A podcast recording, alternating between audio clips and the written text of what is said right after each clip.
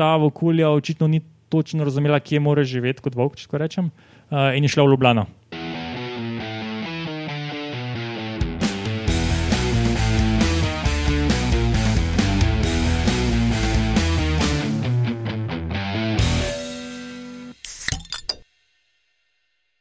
Lepo zdrav poslušalcem pred uh, telefoni in računalniki in vam, ki ste se danes tukaj zbrali na tem snemanju živo 61. oddaje Metamorfoza.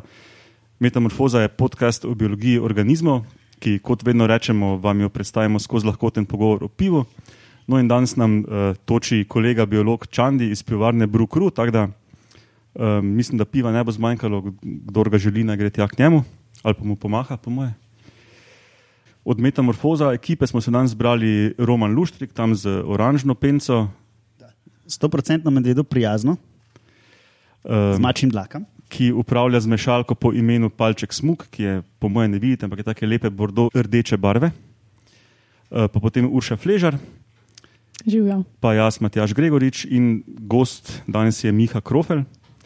Pa Miha in Urša sta sodelavca, pa na eni točki sta si tudi delila pisarno, ne? tako da bo Urša zdaj stavek ali pet povedala o tem, kdo je Miha.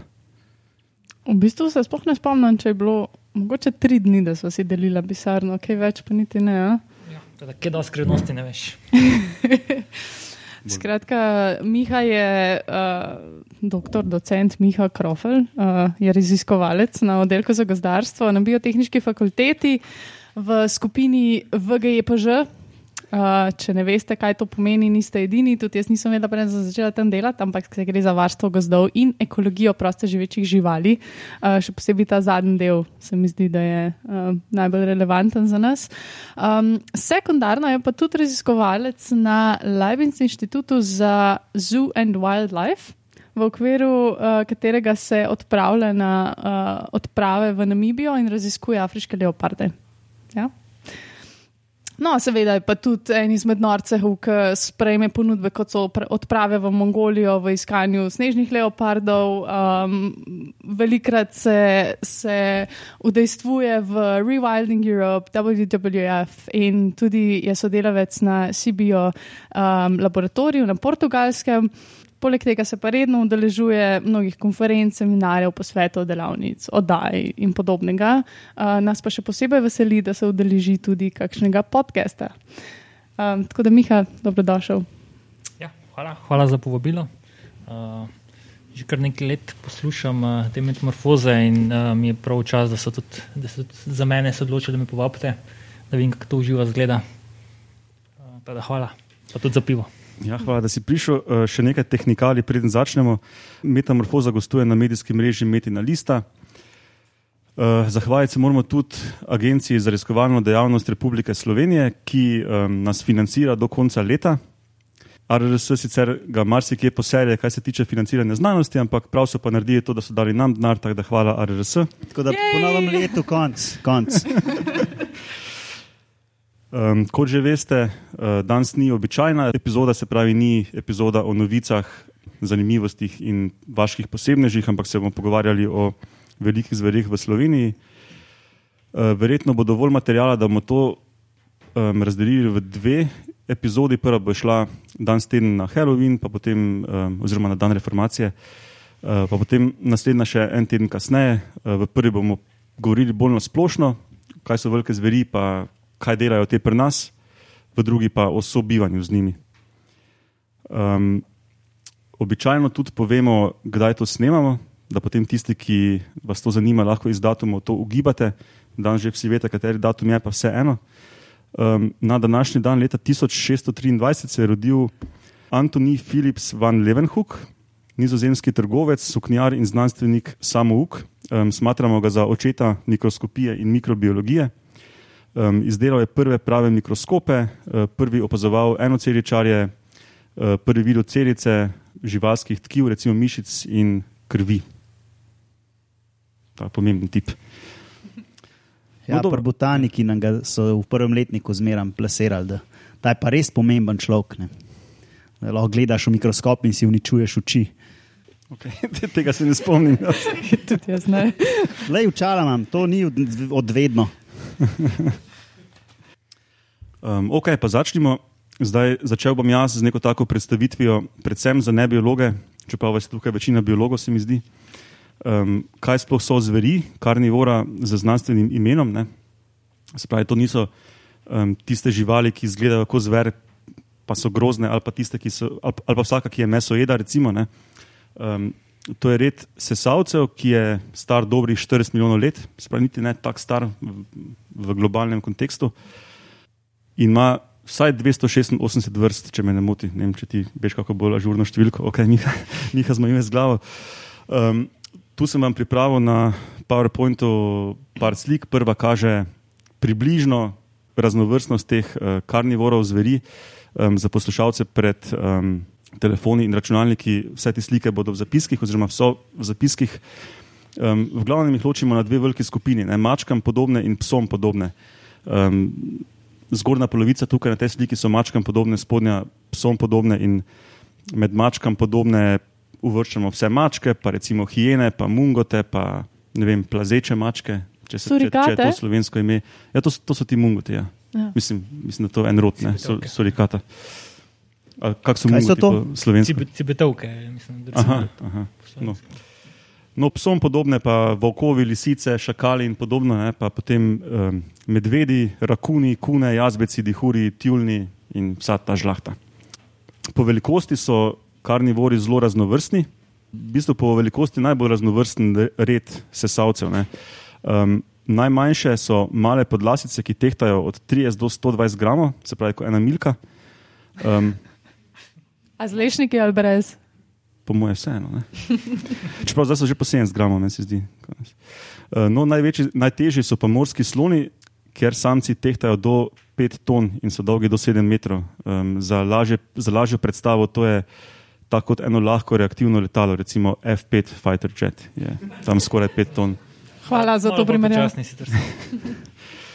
Um, v Evropi jih je danes pet vrst, velikih zveri, ne vseh zveri. Ja.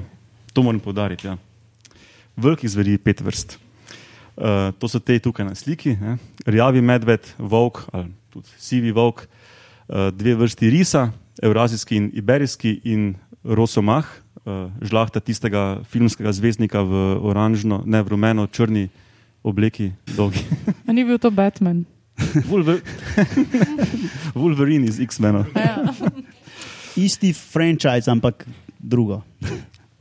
No, drugače pa so še zveri, ki jih pa nekako ne prištejemo v to arbitrarno skupino velikih zveri, so pa tudi pri nas še recimo šakal, pa divja mačka, pa jazbec, pa kaj dve vrsti kune, um, vidra in tako dalje.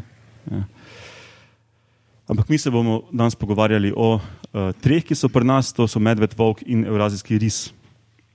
Urša, imam, bilo pa je še precej več izum, izumrlih, danes izumrlih uh, velikih zveri. Ne, ja, mislim, včasih, uh, oziroma včasih, v času Pleistocena, je to, to je bilo tisto obdobje ledenih in neledenih dob, je bilo po Euraziji in tudi Severni Ameriki v bistvu velika pestrost velikih zveri. Um, mogoče tisti, ki ste si ogledali ledene dobe 1 do 65 ali koliko so jih že naredili, ne? veste, da so bile naprimer, uh, ena tako zelo prepoznana skupina Saber-tooth cats. Jaz sicer ne vem, kako. Sabljasti. Sablje zobi, sabljasto zobi, sabljasto zobe mačke. Ne? Se pravi, to so bili neki taki veliki tigri, risi, levi in podobne zadeve z temi podaljšanimi podočniki. Um, In sicer, kot so tako znana, poznana skupina, je ena izmed zadnjih študij um, zelo zanimive stvari potrdila oziroma ugotovila. In sicer, da so najprej so mislili, tako je bilo, najdel so fosile v Evropi iz nekega obdobja, se pravi zelo starega obdobja, začetka Pleistocena in potem. Nekaj časa nič, ne, in potem so jih spet našli, bolj proti koncu Pleistocena. In jim ni bilo jasno, kaj zdaj ne vmes, eh, kaj se je dogajalo. No, zdaj, zadnja študija, kar se tiče teh um, uh, sablje, sabljasto zobih mačk, uh, je bila pa to, da so dejansko preko teh kopenskih mostov ne, nazaj migrirali iz, iz Severne Amerike v Evropo. Ne, se pravi, so dvakrat nekako zauzeli ta prostor. Tako da te, to so mogoče neka najbolj znana skupina. Meni osebno, ko sem začela te stvari večkrat googlati, uh, mi je bil najbolj zanimiv amfibij Fixion, jaz ne vem, kako se te stvari izgovorijo. ampak- Poga Laura tam med kledom. Um, bear dog, Miha, mogoče imaš kakšno idejo, kako bi to bilo v slovenščini? Medvedji pes. Um, skratka, res taka zadeva, ki si jo mogoče v sanjah samo predstavljaš. ne. Um, ogromna, ogromna zver, do 600 kil, je, so, so bili, to je bil rod, ne, se pravi, veliko vrst, kakšne so bile tudi lažje. ampak Uh, največje kakšno bilo- letalo je to? 600 kil, cesna. Res velik medved. Ne. Ne, cestna ima več kot tono. Okay, okay. Jugo, evo, to je jugo. Jugo, ja. ja. Sicer pa tako, ne, so bili, zakaj se reče bear dog, ne, se pravi neki medvedji pes, zato ker so še vedno bili omnivori. Baje, ne. Sicer večinoma mogoče se, se prehranjevali z mesom, so plenili neke oslabljene večje živali, ampak veliko eh, njihove prehrane so pa tudi sestavljale rastline. Potem, naprimer, uh, pa si imel pa še cel spekter drugih stvari, ki smo jih zdaj navajeni iz Afrike, od hien do levov, do medvedov. Sicer vsem nek raz, iz nekega razloga pravimo jamska hiena, jamski medved, jamski lev. Ne, ampak, Jamski človek. Je, mogoče, mogoče niso vsi pač živeli samo po jamah, ne, mogoče je bilo to malo drugače. Um, ampak skratka, si lahko predstavljate, da vse te vrste so bile čist normalne v Evropi oziroma v Evraziji. Ne, in so pač razen tega v primerjavi z našimi, da so bile ponavadi veliko večje in teže, ne, um, so bile pač tisti top prehranjevalne verige. Ne. Um, Ja, sem si par mas napisal. Uh, Ja. Te, te, ta hiena na levi, pahi krokuta. ne, Ta, to, to, so bile, to so največje hiene, ki jih do zdaj poznamo in so tehtale do 190 kg. So ocene, to je toliko kot danes levi. Ne, recimo. um, Uh, pa so tudi, naprimer, um, pri nas so neke najdbe, no, ampak najbolj znan je mogoče jamski medved. Ne? Te so bili tudi malo večji. čakaj, da sem si tudi napisal. Ja, 300 do 350 kg um, so imeli. Ne, pardon, uh, do, do, do 600 kg, jamski levi, no, 300 do 350. Ja, ja. Ha, tem, no, da- to pa zdaj smislo. Ja. Današnji medvedi, ne, te veliki samci so pa kok, ne? Miha. Ja, največji je tam 350. Ja, mislim, da bo jamski medved kar malo večji. Uh, je bilo pa zanimivo, da tudi recimo rev medved, taki danes, so bili v ledeni dobi precej večji od današnjih. Ne? To je kar značilnost v vseh teh uh, velikih zveri, tudi manjših zveri, da so bile v času ledeni dob uh, so večje. Ne? To je tako imeno Bergmanovo pravilo, ne? ki nekako razlaga, da ko je, eh, ko je bolj hladno, je bolj fajn, da si večji, ker imaš manjše razmerje med volumnom in površino in se počasneje ohlajaš. Pa zihar nisem imel samo več dlake. Uh, ja, to so po kosteh nekaj gledali. Okay, Uh, okay. uh, je pa zanimivo, ja, da so tem živalmi, živalim se reče jamski. Ne? Jamski levo, jamski hien, jamska hiena in tako naprej. Niso bili nič bolj jamski od današnjih levov, afriških ali pa lisastih hien. ne. Pač stvar je v tem, da so jih našli v jamah, ker tam so se kosti ohranile. a ne. Tako da, uh, ja. Zunaj se pa niso, oziroma so jih kakšne druge stvari pojedle. ne, Ja. Uh, če lahko sam pripomnim, ne, cesna ima okoli 750 kg. Aha, pardon, Roman. Kaj je to? To je to, la, športno letalo. Ja, okay. Pač jugo med eh, letali. No. No, jaz bi še pripomnil, da, na, da nas ne bo kdo za besedo držal um, tiste mačke ali tigri, kakorkoli rečejo, ko imajo tiste največje zobe, ki jih vidiš v, v risanki. Ne? Tisto so sablje- uh, Smilodon rod, tisti so bili v Severni Ameriki, ne v Evropi. Ne? Ta pri nas je bil uh, rod Homoterium. Homoterium, ja. Mm. Čeprav smo imeli tudi pri nas Maharodose, ko so bili tam blizu Smelodonu, Aha, po no, no. velikosti. Je pa ena moče stvar še zanimiva pri teh. Uh, to, kar si ljudje predstavljajo, da te so blizu mačke, je bila to neka manjša skupina mačk. Ne? Ampak dejansko v preteklosti so bili to kar med bolj številčnejšimi predstavniki mačk. In bi se ni bila samo ena skupina, se je večkrat, čist neodvisno, bi se prihajalo do razvoja teh sablezobih mačk ali pa drugih živali. Uh, pa slučajno je, da trenutno smo v obdobju, ko ni več nobene. Ne? Ampak večina evolucije je bila v bistvu večina mačk sablezobih. Uh, imamo pa danes tudi eno mačko, ki je vzgleda nekako evolucijsko gre v to smer. Se pravi, se opaža, da je podaljševanje teh podočnikov zgornjih in to je tudi danes edina mačka, ki že sega preko spodnje čeljusti. Uh, Moče kdo ve, kje je to. Musk deer. Mačkami. uh, Dima ste leopard. Ne? To se spomnim, ko sem preživel v Lobanjo, tega leoparda v enem muzeju. Sem prvo mislil, da je neka sebezova mačka izumrla. Nisem, nisem pogruntal, da imamo to še vedno danes. Da, če ga ne bomo iztrebili, kar mu sicer slabo kaže trenutno, ampak če bo preživel, verjetno par milijonov let bi to znal biti nova, uh, nov začetek take skupine zopet. Um, Miha, boš kar ti nadaljeval z predstavitvijo naših treh um, velikih zveri skozi njihov življenjski stil. Lahko. Ja, ja v bistvu je, te tri naše vrste so kar dobri predstavniki velikih zveri na splošno, uh, ker so iz vseh treh različnih družin in vsi imajo dokaj različen življenjski stil. Ne vem, če začnemo z medvedom. Medved v bistvu je ena, pa splošno medvedje so posebni že med zvermi, potem da niso teritorijalne vrste. Se pravi, večino, večina zveri je teritorijalnih, se pravi, branijo svoje ozemlje pred, pred drugimi osebki iste vrste. Medvedi nis, ni, niso take in posledica tega pač je, da uh, lahko danes na istem območju najdemo predvsej medvedov. Vedno smo imeli, predvsem v prvem štetju, je bilo eno krmišče, je bilo zaznano v genetiki, da 21 različnih medvedov hodi na isto krmišče. Uh, ja, se pa v času razlikuje. Ne? Se pravi, raba krmišča se v času se, ne, od 6 zjutraj do 3 zvečer, mislim, od 6 zvečer do 3 zjutraj imaš cel gradient.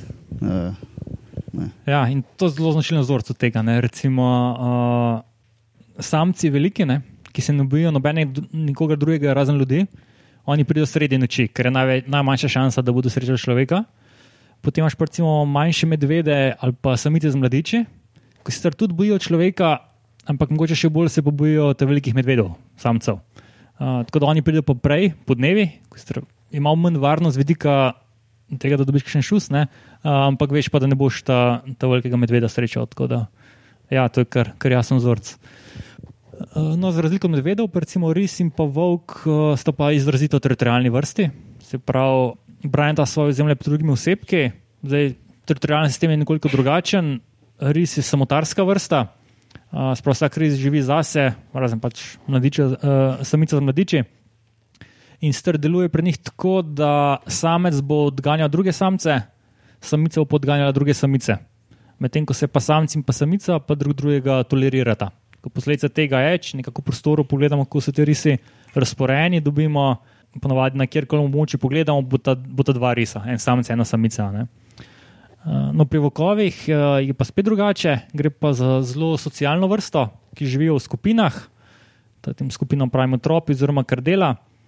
Uh, ta sestava teh tropov dolg časa ni bila najbolj razjasnjena. No, zdaj, odkar imamo genetiko, je postalo pa zelo očitno, da je ta struktura večinoma ista, da v bistvu ne gre za nič drugega kot družine se pravi, ta tako imenovana alfa samca in alfa samica, ki sta bila včasih kao najmočnejša, pa neka dominantna volka, uh, se je tako dojemal, uh, se danes ve, da to so ponovadi pač starša. Ne, se pravi, a ta mama in ostali, ostali volkovi v tropu so pa praviloma njuni mladiči, uh, pač različnih, iz različnih let. Uh, in pri vokovih pa ta teritorijalni sistem pa deluje na, na nivoju teh družin, se pravi, neka družina ima teritorij in brani svoj teritorij pred vsakimi tujimi volkovi, pravi, če zaločijo kakega drugega volka na svojem teritoriju, ga takoj preženejo ali pa tudi ubijajo, če imajo, če imajo to priložnost.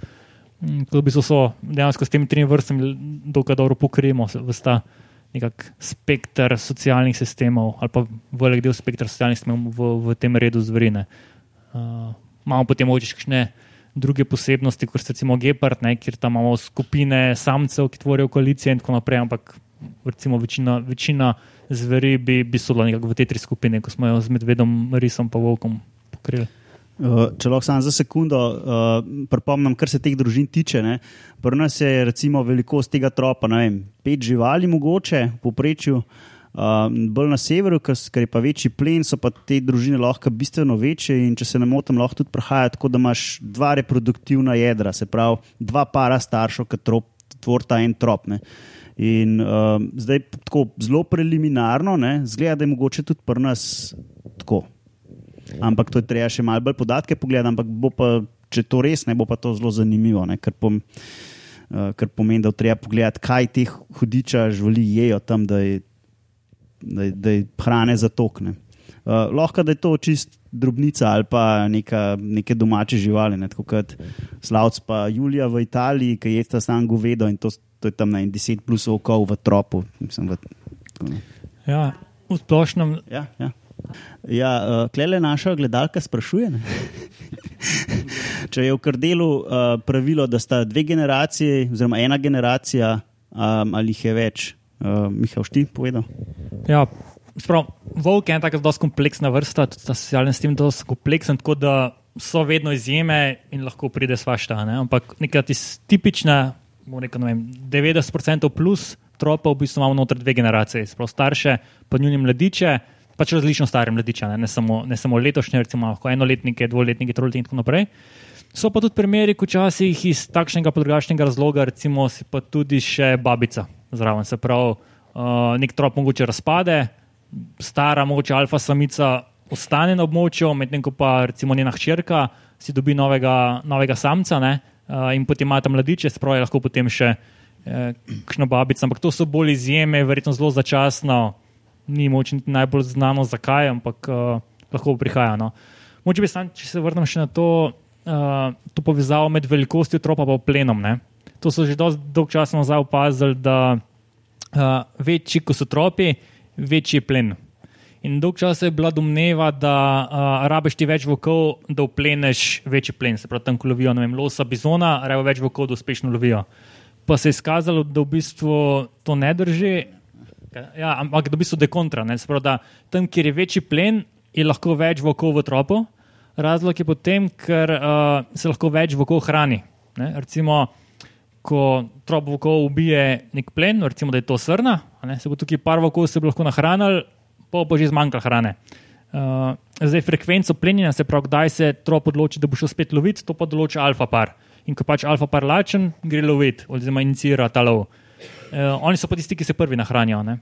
Tako da, uh, če pač plen večji, ne, se lahko več vokov nahrani in zato so tam trope večji.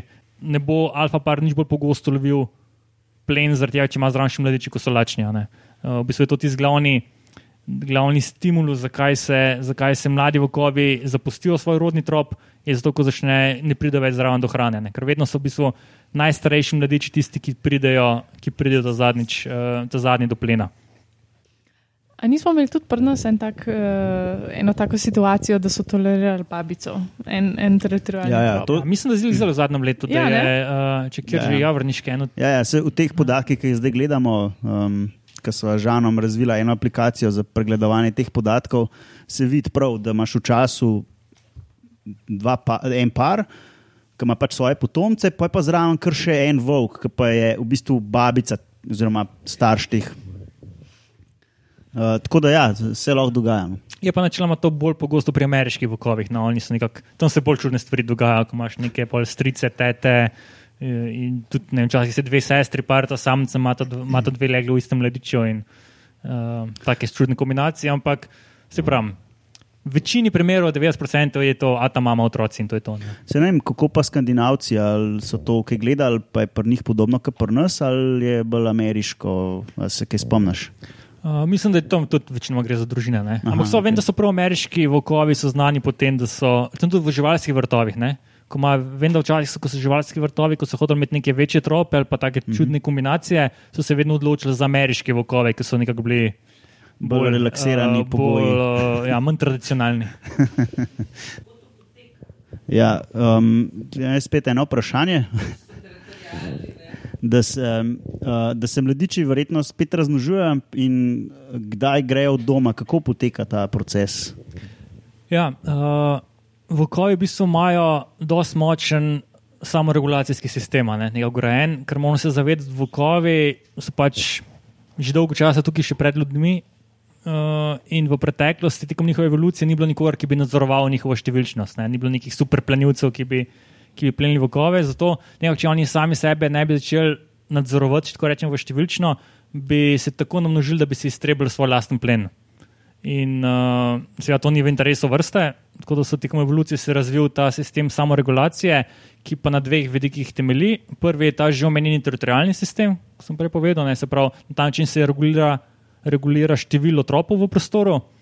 Uh, drug sistem je pa, je pa povezan ravno s tem z regulacijo velikosti tropa, ne, ker načeloma trop ima vsako leto mladiče, ko s časoma bi ta trop rado večji in večji in večji in bi spet začel zmanjkovati hrane. In sis, mehanizem, ki je tukaj zadnji, da se regulira velikost stropa, je v bistvu pa to, da mladiči pa zapuščajo svoje starše. Kdaj jih zapuščajo, je odvisno od predvsem dveh dejavnikov.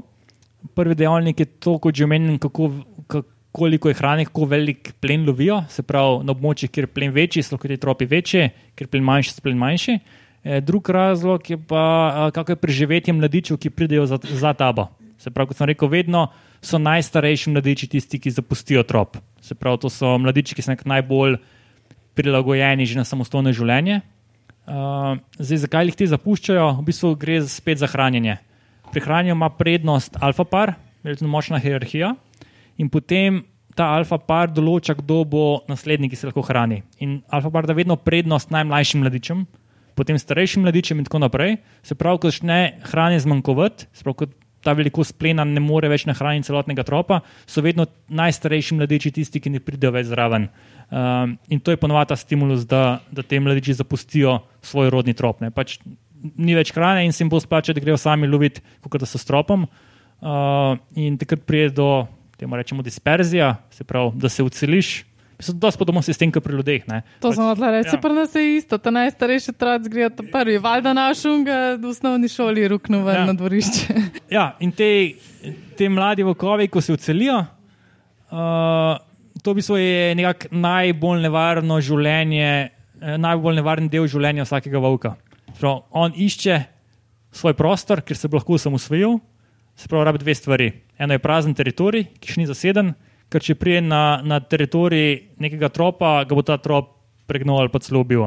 Tako da on rab prazen teritorij, druga stvar, kar rab je pa partner s tem, da bo zasnoval svoj uh, lasen trop. Sproči neka samica, ki je dispergirala iz nekega tropa, ona išče samca iz enega drugega tropa, sprav, da ne bo v sorodu z njima, ne, uh, da bo to ustanovila svoj lasen trop. Se pravi, trop se vedno, ali pa praviloma, se začne s parom. Sprav, ena sam, samica iz enega tropa, samci iz drugega tropa, ima tam mladiče in potem nastane tak tak trop. Uh, eh, Klej moče še ena zanimiva stvar, ta pojem volka samotarja. To se zelo kot metafora uporablja, ampak kaj je to v resnici? Uh, v bistvu volk samotar ni tip volka, se pravi, ni to nek volk, ki se odločil, jaz pa se ne grem z nobenim, pa mu sam. Ampak tak je volkov načeloma ni. Se pravi, to ni tip volka, ampak to je obdobje v življenju vsakega volka. Se pravi, To je ta mladič, ki je zapustil svoj rodni trop in predem uspe najti partnerja in prazen teritorij, in on pač živi sam. Lahko rečemo, volk samotarni. Ampak to je vedno začasno. Vsak volk slejka prej želi pač spet imeti trop in biti član tropa. To je čisto obratna situacija, kot pa pri risih, naprimer, ali pa medvedih. Uh, ja, pač risi in, in, in medvedi so, so samotarski, spravni naravi skupine živijo samotarsko. E, ampak obe vrsti tudi res in medved dispergirata, se pravi, mladi, mladi se, se ucelijo. Ne? S tem, da pri, pri, predvsem pri medvedih je to značilno, da je velika razlika v spolu in sicer v tem, da se samci praviloma ucelijo dlje, medtem ko samičke, sploh črke, pogosto ustanejo pa znotraj domačega okoliša svoje mame. Uh, to je en mehanizem, s katerim se poskuša preprečevati parjenje sorodstva. Se pravi, samci grejo, zato da se ne, ne bi s svojimi sestrami parili. Uh, Eh, dajmo najprej rekepati vprašanje. Um, se pravi, uh, kako je pri medvedih s temi teritoriji, um, ali jih imajo ali nimajo, ker se različne. Uh, v, v virih se različna mnenja pojavljajo. Konkretno je poslušalec rekel, da v opisu vrste v Naturi 2000 da piše, da vzdržujejo medvedi svoje teritorije. Ne? Se pravi, ta konkretna beseda, kako je zdaj z uporabo, oziroma ali res medvedi imajo ali ne. Ja, to je po mojem bolj terminološka, uh, terminološki failer tukaj. Ja. Uporablja se pojem teritorij, verjetno pa v teh verjih mišljen domači okoliš. Ja, ali pa, ob, ali pa ja. območje gibanja. Ja, ja. To, pa območje aktivnosti. Recimo, ja. prav, to je nekaj območje, kjer se posamezen, posamezen osebek zadržuje. Zdaj, da pa temu lahko rečeš teritorij, mora pa osebek ta svoj domači okoliš tudi aktivno braniti. V primeru medveda, ki pa ne branijo svojih domačih okolišov, ne, ne bi smeli govoriti o teritorijih, praviloma, ampak o domačih okoliših. Ne. Je pa res, ja, da se pač pogosto, sploh v lajčni javnosti, govori o teritorijih. Ja. Tako kot se govori o migracijah, recimo, če pravimo, da velike zveri niso migratorne vrste, ne, ker migracija je pač ponavljajoče sezonsko vračanje na isto območje. Ne. Ja. Razen ja. mogoče v jame. Ampak. Ja, pa še to je zanimivo, da pri medvedih recimo, se praviloma isti medved ne vrača v isto jamo, ampak ima vsako leto drugo. Uh, s tem, da sicer imamo mi jame, ki so vsako leto zasedene, ampak uh, so ve, praviloma vedno drug medved. Se- tudi klepade. sorry. Eh, ne, to, je, to je nov članek, ampak bomo preskočili. ker- Zdaj morate nujno za poslušalce razložiti, kakšna je povezava med medvedi in jamami. Ja. In kaj je zdaj tukaj še jamski medved zraven? Uh, se pravi, to verjetno vsi vemo, ne, da uh, medvedi v zimskem času, pa vsaj nekateri medvedi preživijo zimo v nekih brlogih, kjer vrčujejo z energijo. Uh, zdaj, te brlogi so lahko različni. Recimo v Skandinaviji je tipičen brlog medveda mrolišče. Tam imajo taka mrolišča, meter, dva metra visoka in ponovadi kar v mrolišču noter naredi luknjo in ima pač room service, ne? tam še te ličinke in, in še toplo in, in brlog. Uh, Medtem ko recimo v Sloveniji no, je, pa, je pa tam, zdaj na pamet številki mogo pogledati, mislim, nekje 80-90% so pa to kraške jame uh, oziroma spodmolja. ne. Smo imeli tudi par medvedov, ki so, ki so zimovali v kakšnem gostem smrečnem nasadu ali pa kakšnim podrtim drevesom, ampak večinoma so dejansko v kraških jamah uh, ali pa spodmoljih.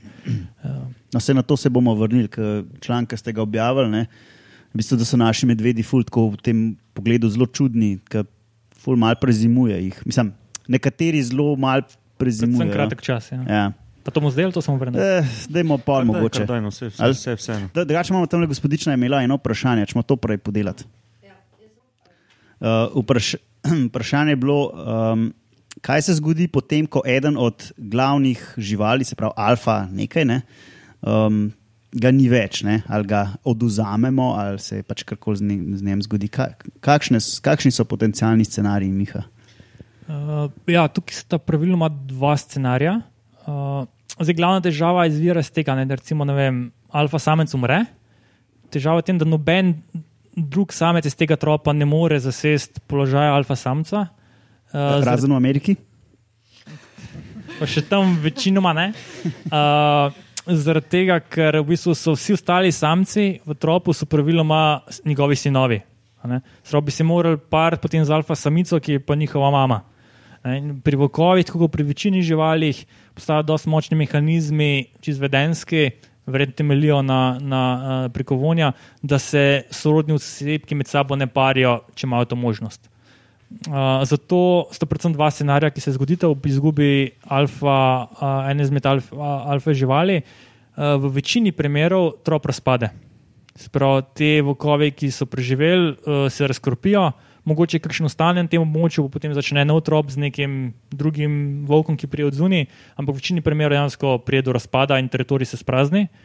Uh, so pa primeri v manjšem deležu, ampak smo tudi pri nas recimo to že opazili, da pa lahko uh, tak trop, ki mu manjka alfa žival, sprejme tujega volka. Recimo je bil streljen alfa samec, ta trop lahko sprejme enega samca iz enega drugega tropa, ki ni v sorodu z alfa samico, ne, in se potem lahko par. In to je v bistvu ena izmed redkih možnosti, da trop sprejme tujega volka. ne. Sprav, recimo, imamo hipotetičen primer, smo streljali alfa samca, lahko bi na to območje prišel en volk, en teden pred odstrelom, bi ga ta isti trop uh, ubil takoj ali pa pregnal. Če pa pride ravno v času, ko mu manjka tropu alfa samec, ga pa lahko ta trop sprejme. Včasih ga, včasih ne, tukaj mehanizmi niso čisto znani, zakaj, ampak načelno so to dva scenarija. Uh, in to je tudi danes v upravljanju, se vedno pogosteje to upošteva, ker en problem, recimo, ko smo ga imeli, to je bilo tam leta 2010-2011, začetek Slovov projekta. Uh, ko smo spremljali, začeli spremljati populacijo v komobilno intenzivno, smo opazili, da je velik problem v Sloveniji ta, to razbijanje tropov. Se pravi, je bila zelo velika smrtnost alfa vokov in posledično, ko ti ustreliš enega alfa vol- volka, vplivaš na cel tropa. Uh, in to ima pa številne druge stranske učinke, ki so večinoma nezaželeni. Recimo, kadar je to, to razbijanje tropov prepogosto, uh, se poveča verjetnost križanja s psi. Uh, Spravimo pa križance, ki ima spet druge stranske negativne učinke.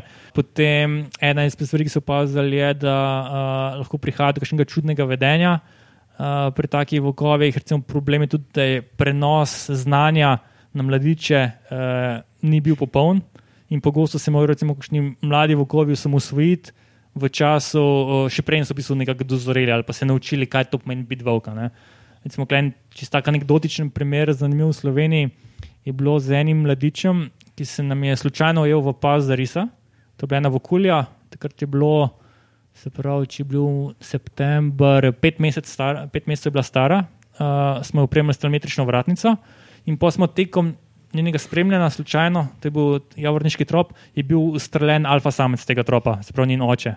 To je bilo v času, ko je bila ta vokulja, ime je bilo Tina, stara devet mesecev. Uh, in bi se mogla osamosvojiti že pred devetih mesecih, nekaj, kar pa bilo normalno, recimo po nekje dveh, treh, štirih letih. In zdaj mi sklepamo, da je bilo povezano s tem, da ta vokulja očitno ni točno razumela, kje mora živeti kot volk, če rečem, uh, in je šla v Ljubljano. Ja, ja. Mislim, je živela na Ljubljanskem barju, redno prihajala tukaj na rob Rakove Elše. Uh, potem, ko je odrasla, se je pa spet vrnila v dinarske gozdove. Ne. Tako da jaz bi kar verjel, da je možno, da je, da, da je prišla sem zato, ker je bila še neizkušena in še ne, ni, ni dala cele, če rečem tako, šole, kaj pomeni biti volk skozi. Ja, to je v bistvu. Um... Um, naša kolegica Nina jo je sledila, tako da je imela ta vratnico. Uh, in ta vratnica. Kako? Okolje je imelo vratnico, ne Nina. Ja. No, obe, uh, samo različne. Uh, Um, in je pač ta vratnica oddaja nek signal, in rabaš neko anteno, da dobiš ta signal. In ona je zjutraj se zbudila, šla na balkon v, na v Tornovem, priklopila anteno in jo je zaznala, ker je bila pač tam na ulici dveh cesarjev na smetišču. tako da ni, ni sploh rabila se voziti dol. Sicer pa, zdaj, ko si omenil smetišče, v, v okolici Rima so potrdili ne, prisotnost nekega tropa ali nekih tropov prav na smetišču. Tako da to, kar se tiče prilagodljivosti volkov oziroma njihove plastičnosti, gre kar visoko. Ja, ja, to je že kar nekaj let star. Se prav spomnim, včasih je en ta znan italijanski raziskovalec Luigi Bojtani. Vem, imel to klasično predavanje, je bilo tako, prišel recimo v Ameriki ali pa tako s tem italijanskim glasom. Uh, where do you think, uh, what do you think uh, Italian wolves eat? Do you think they eat uh, red deer? Do you think they eat wild boar? No, no. Dej spaghetti. uh, pač na smetišču, urimo.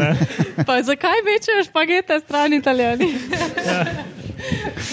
Tako da, ja, vokovi so dejansko eni izmed bolj prilagodljivih vrst, ne, so lahko tudi zelo učinkoviti mrhovinari. Uh, kjer ni naravnega plena, se z lahkoto prilagodijo in plenijo domače živali, oziroma mrhovina, kjer je na voljo. Uh, živijo lahko kjerkoli.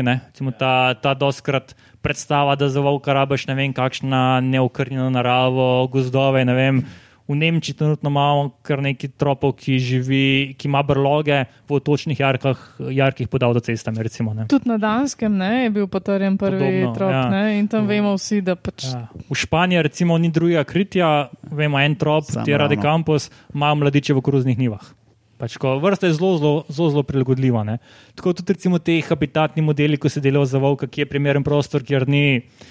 Tako, okay, ob trenutnem stanju, ja, ampak generalno tudi prek Murje je čist primeren habitat za volka, če se ga pač ne ubije. Ne. Važno, da ima hrano. Ne? Ja, pa da se ga ne fenta. Ja. Ne. No, kaj pa če daš zdaj za, na kratko za primerjavo še risa, pa medveda, pa njuno prehrano? Eh, Oziroma, tudi sobivajo ne, v gozdovih. Ne. Kako to, da so vsi trije v istem času na istem prostoru? Ne? Ja, to je, to je posledica ja, neke vrste, verjetno že evolucijsko so se prilagodili, ne, da zasedajo nekoliko različne, rečemo, ekološke niše, samo malo drugačen poklic in pa kraj bivanja. Uh, in to mi omogoča sobivanje. Recimo, kakšne druge vrste, kot je, eh, je pa recimo šakalne. Pa, pa ne paše sam, ne? ker šakal pa volk sta pa tako močne interakcije, da se potem izključujeta. Um, zdaj prehrana, ja, uh, spet dokaj različna. Medved je sploh, uh, na kratko, če rečemo, medved je vse. Pač, medved je ogromna žival. Predstavljaj si, da si, da si medved, ne? pa te zdaj spustim tukaj v gost in moš vsak dan najti približno 10 kg hrane. Uh, ni ni tako preprosto. Ne? Tako da bi se pregledal medved tukaj, je bila dejansko, da on je lahko karkoli in karkoli bo, bo našel. Kar ga doskrat pripelje tudi v probleme z ljudmi, čimer bo naslednji del, ne? tako da zdaj ne bom preveč. Ampak ja, v, večino prehrane, vedel, predstavlja rastlinske hrane. Žir, recimo, zelo pomemben pri nas, pač v letih, ko je obrod. Kadar je dober obrod, bo tudi do jeseni se, se ohranil. Tako recimo letos pomladi smo imeli še lanski, lanski žir, predvsej pogosto v prehrani medveda. potem razen, če imaš uh, pač rastlinske. Če imaš latinsko alium ursinum, ne? medvedja, kaj med, Ja. medvedji, Vse, česen. Hrvaško medvedje lukne. Evo, no. Ja. Pa, Če moraš, moraš povedati po latinsko, je medved je Ursus. A, okay, detajli, okay, Ja. ja. Se pa zelo spremenja prehrana, tudi sezonsko pri medvedu. Recimo poleti je eh, daleč najpomembnejši vir hrane za medveda, so žuželke. Dve vrsti, predvsem, oziroma dve skupini, Mravlje. to poznate kaj. Mravlje, Mravlje?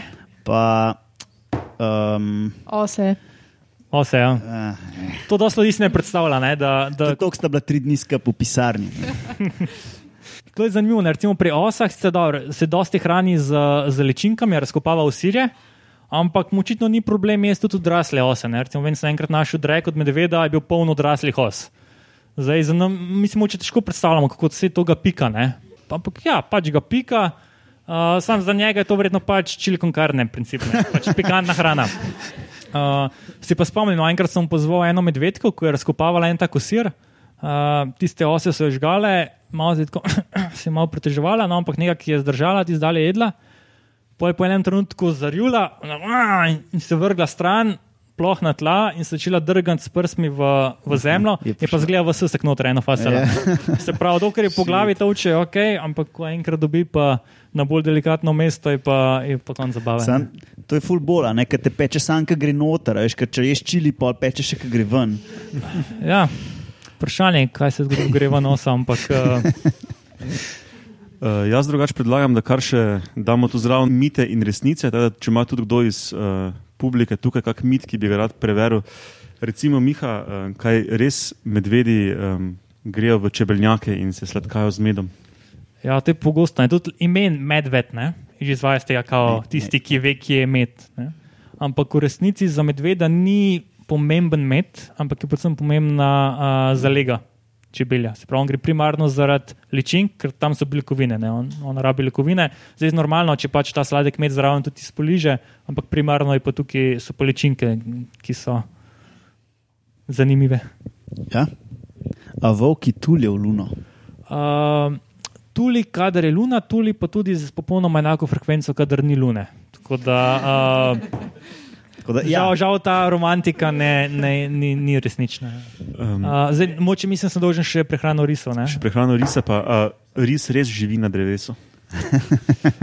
Čakaj, živi je mogoče malo preveč, tako taka splošna. Vsaj ali ga lahko kdaj srečamo tudi na drevesu, oziroma zakaj bi šel na drevo. Ka, kaj pa če začne z eno anekdoto od Huberta, ki razlaga o živalskem vrtu? Se bom vrnil s tem. Da, da, Aha, okay. uh, moče začnem s tem, da ja, dejansko, ne vem, če poznate ne vem, slikanice od Frana Rjavca in tako naprej, vsi risi so bili vedno na drevesu. Otroke v vrtu učimo že, da risi živijo na drevesih in tako naprej. Vem, jaz sem prehodil za risi, ne vem, kaj povem, 200-300 km po zimi po snegu in nikoli en ris ni šel na drevo. Um, tako da to, da je ris arborealna vrsta, drevesna vrsta, ne drži. Uh, gre pa ris v enem specifičnem primeru pa na drevo. In sicer gre na drevo pred psom, uh, pa se omakne tako kot mačka. Zdaj, iz kje pa ta fama izhaja? Ne? Zelo verjeten odstuk je, da včasih so rise lovili predvsem na ta način, da so spustili pse, spravili risa na drevo in potem bilo relativno preprosto pihan z tega risa z drevesa. Ne? Kot pravi moški. Ja, tako da dejansko večina risov, s katerimi so se lovci včasih srečali, so bili na drevesih. Ne? Ampak ne zato, ker bile to drevesne vrste, ampak pač, ker so jih tja psi pregnali. Tako kot jamski medved. Ne? Ja, podoben, ja. pač tam ga najdeš. Ne? Tako da, to je to, kar je bilo že drugo. Pa s čim se hrani? Aha, s čim se hrani? Ja. Čim- ja, ris je pa, recimo, rekli smo, medved je en tak res nezahteven, se hrani s čimrkoli. Uh, volk je nekje vmes, se pravi, večino sestavljajo veliki rastlinojeci, ampak tudi špageti so, so čist dobri. Uh, no, ris je pa, je pa tukaj je pa kulinarika, pride do izraza, ne? je pa specialist in on se ne bo zadovoljil kar s čimrkoli, ampak je dejansko zelo specializiran.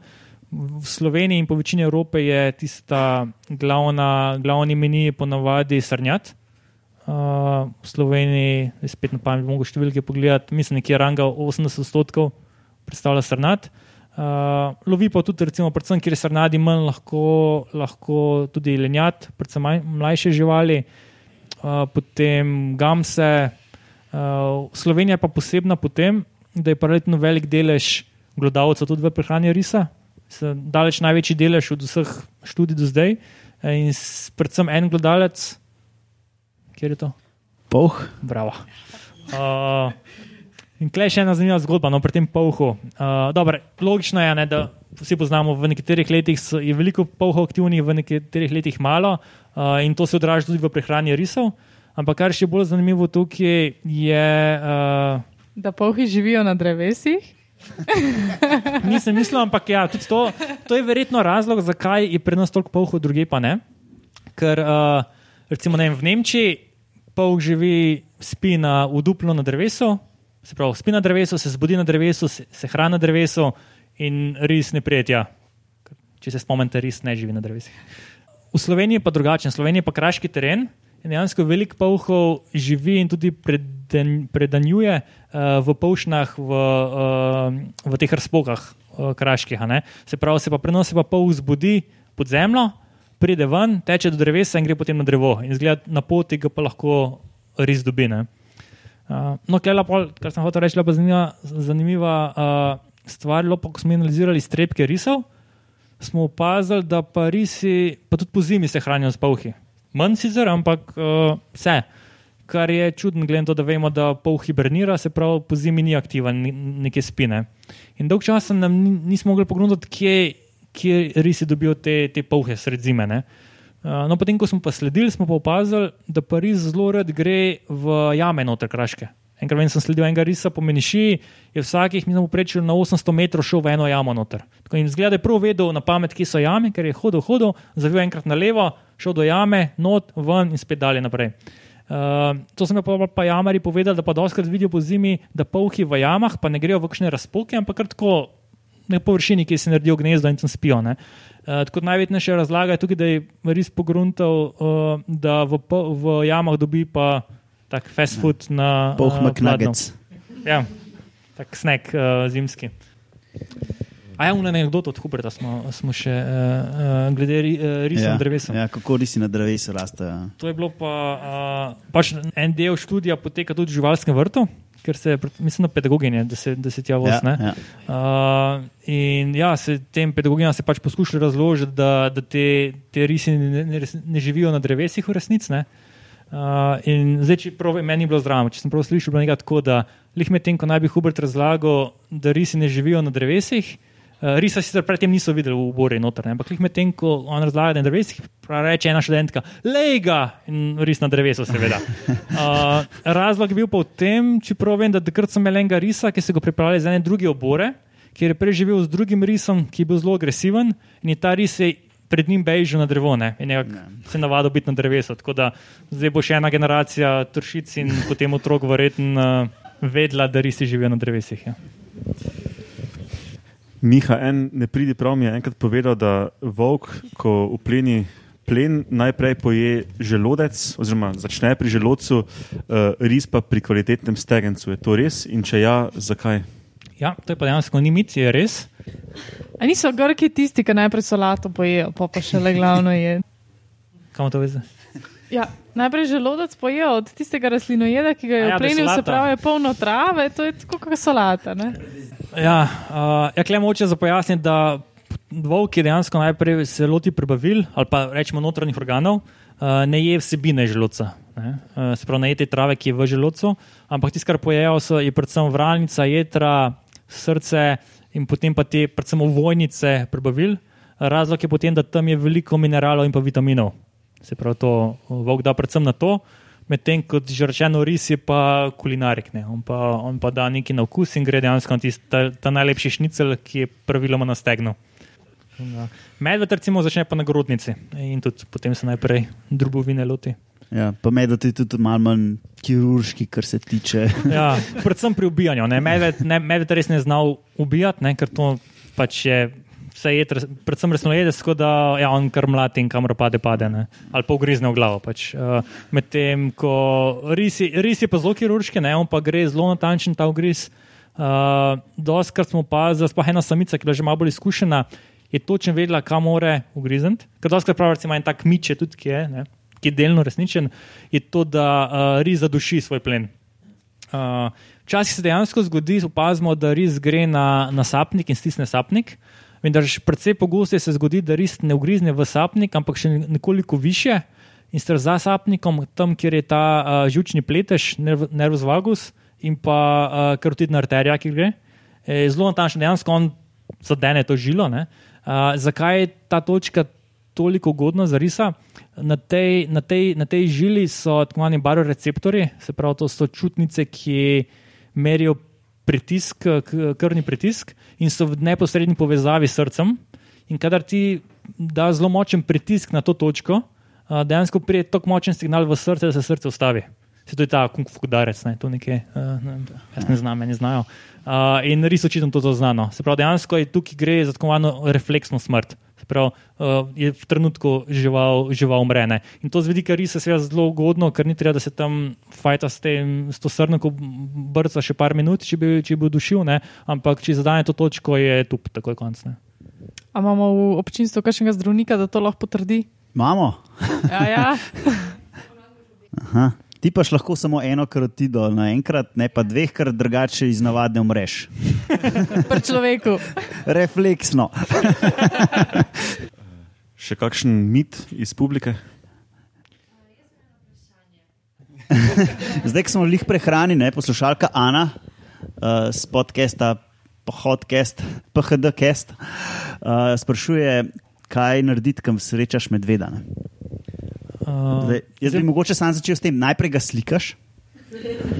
Uh, moče bi več o tem, kako se obnašati kasneje. Pa bi zdaj zaenkrat vprašanje bilo konkretno, če je to, da se delaš mrtvega, ali je to primerno ali Okay. ne. Uh, zdaj, to v bistvu je zelo dobro. Ne toliko zaradi tega, ker bi meve dejansko mislil, da si mrtev, ker pač se je tako brihten, pa konec konca med mrhovinar. Da, uh, ampak uh, zakaj je to dobro? Ker če ti se delaš mrtvega, pomeni, da ti ležiš na tleh in si negiben in si tiho. Uh, in to je pa zelo dobro, ker medved, glavni razlog, zakaj medved napade človeka, je, ker se te ustraši, ker se nas ustraši. Se pravi, kot da se on počuti tako ogroženega, da se mu bolj, boljše zdi, da se brani, kot da, kot da beži, tega te lahko napade. pravi, če si ti tiho, primer, ležiš na tleh, se bo on počutil manj ogroženega, se pravi, manjša verjetnost, da, da nas napade. Uh, ampak lahko tudi, če malo migaš, pa če dihaš. Uh, Ne? Ni se treba bati, da, da bo on mislil, da v resnici nisi mrtev. Bomo pa več A. o tem, pol kasneje, sobivanje. pa to. Moče še en mit klep pri, u- u, pri ubijanju uh, svojega plena. Z risa se včasih pravijo, da uh, ugrizne, pa sam spije kri, pa gre ne. Ne, ne, Miha, to za vampirje pravijo. Ne, ne, za risa. Dejansko se, se ali pa recimo, da samo, on samo frišno meso poje, se pravi, on ubije, malo poje, pa pusti. To je delno res, ampak v enem zelo konkretnem primeru in če mi risa v plenu usplašimo stran od plena, potem se on ne bo vračal nazaj. In včasih to dejansko bo on samo ubil, in če ga slučajno ravno v tem trenutku presenetimo, lahko, lahko zbeži in se nazaj ne vrne. In potem tisto, kar vidimo, sta, so te luknjice na vratu, ki pa niso od uh, pitja krvi, ampak uh, pač ker je natančen ubil. Od A. vampirjev. Mogoče sam to, ne. Miha je delal doktorat na tem, tako da manj da ve, kaj, ve, kaj Ignorirajte moje ga delam komentarje. pametnega. Ja. Se pravi, kaj, kaj pri risu? Uh, pravi, v primerih, če mi, če mi risa pa ne splašimo, se pravi, da lahko na nek normalen način uporablja svoj plen, se bo pa on vračal več dni, dok- dokler ne bo večine mesa pojedel. Okay, Prebavil nikoli ne bo, ker vse en ima določen nivo, ima nek okus. Ne? Ima standard, a ne Ja, pa kvampov. Ampak uh, meso dejansko pa poje tam do 90-95%. Uh, Ma pa to težavo risa, ne, da uh, ris je relativno majhen plenilec za to, kakšen plen lovi. Se pravi, ris ima tam 20 kg plus minus, srnat je pa lih tam nekje. Ne. Tako da uh, ne more cele srne pojesti v enem šusu, ampak uh, se poprečju se vrača 4-5 dni nazaj, da poje, to, da poje srno. Uh, in to smo tudi opažali, smo opazili, mi, smo res na vratnici, postavili smo recimo kamere v postanki njegovega plena in smo potem gledali, kako se on vrača. Uh, Ma pa to težavo, da v tem času, sprav, če on 4-5 dni, da, se, da poje vse skupaj, lahko vmes kakšni drugi, druge živali, mrhovinari pridejo in se tudi hranijo s tem plenom, kar seveda ni v, ris, v risovem interesu. Zato, kar res naredi, je to, da on zakople, uh, zakople svoj plen.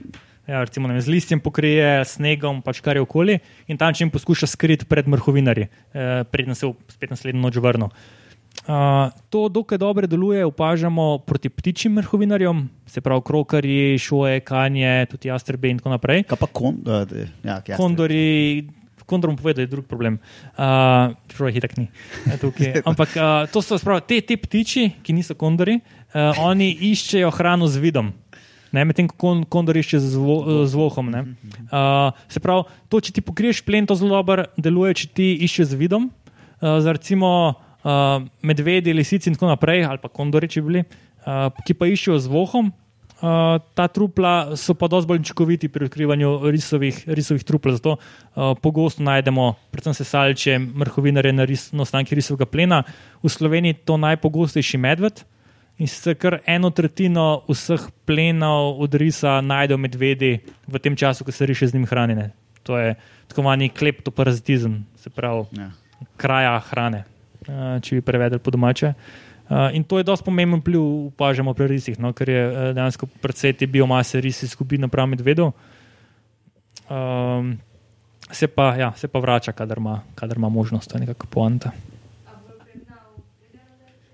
Uh, vprašanje je, če se volkovi tudi vračajo na plen. Uh, se, se je bila pa ena zanimiva študija, ki je pokazala, je to, kako, kako se bodo vokoji vračali, je odvisno od motenj strani človeka. Sprav na območjih, ki so bili vokoji bolj preganjani.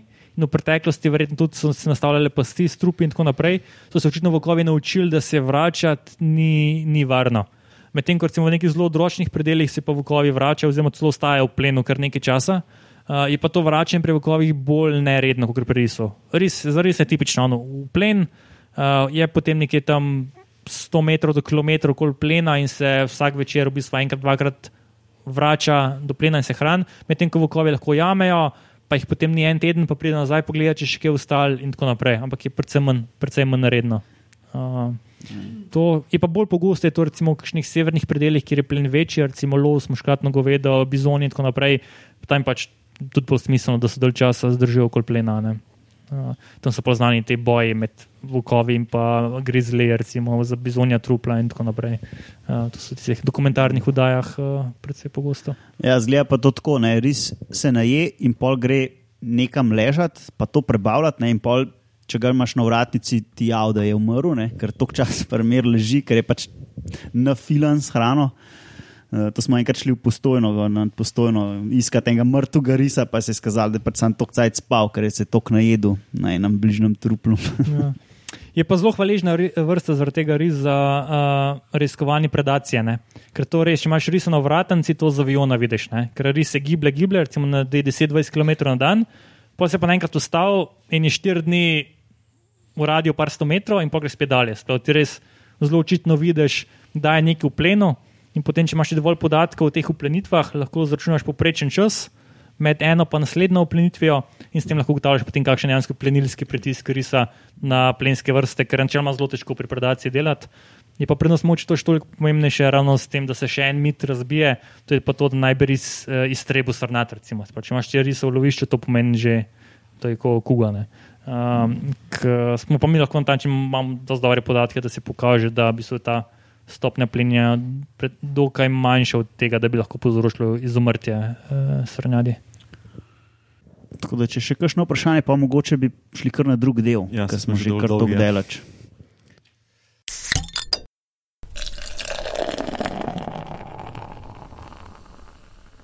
Tak, to je bil prvi del pogovora o velikih zverih v Sloveniji.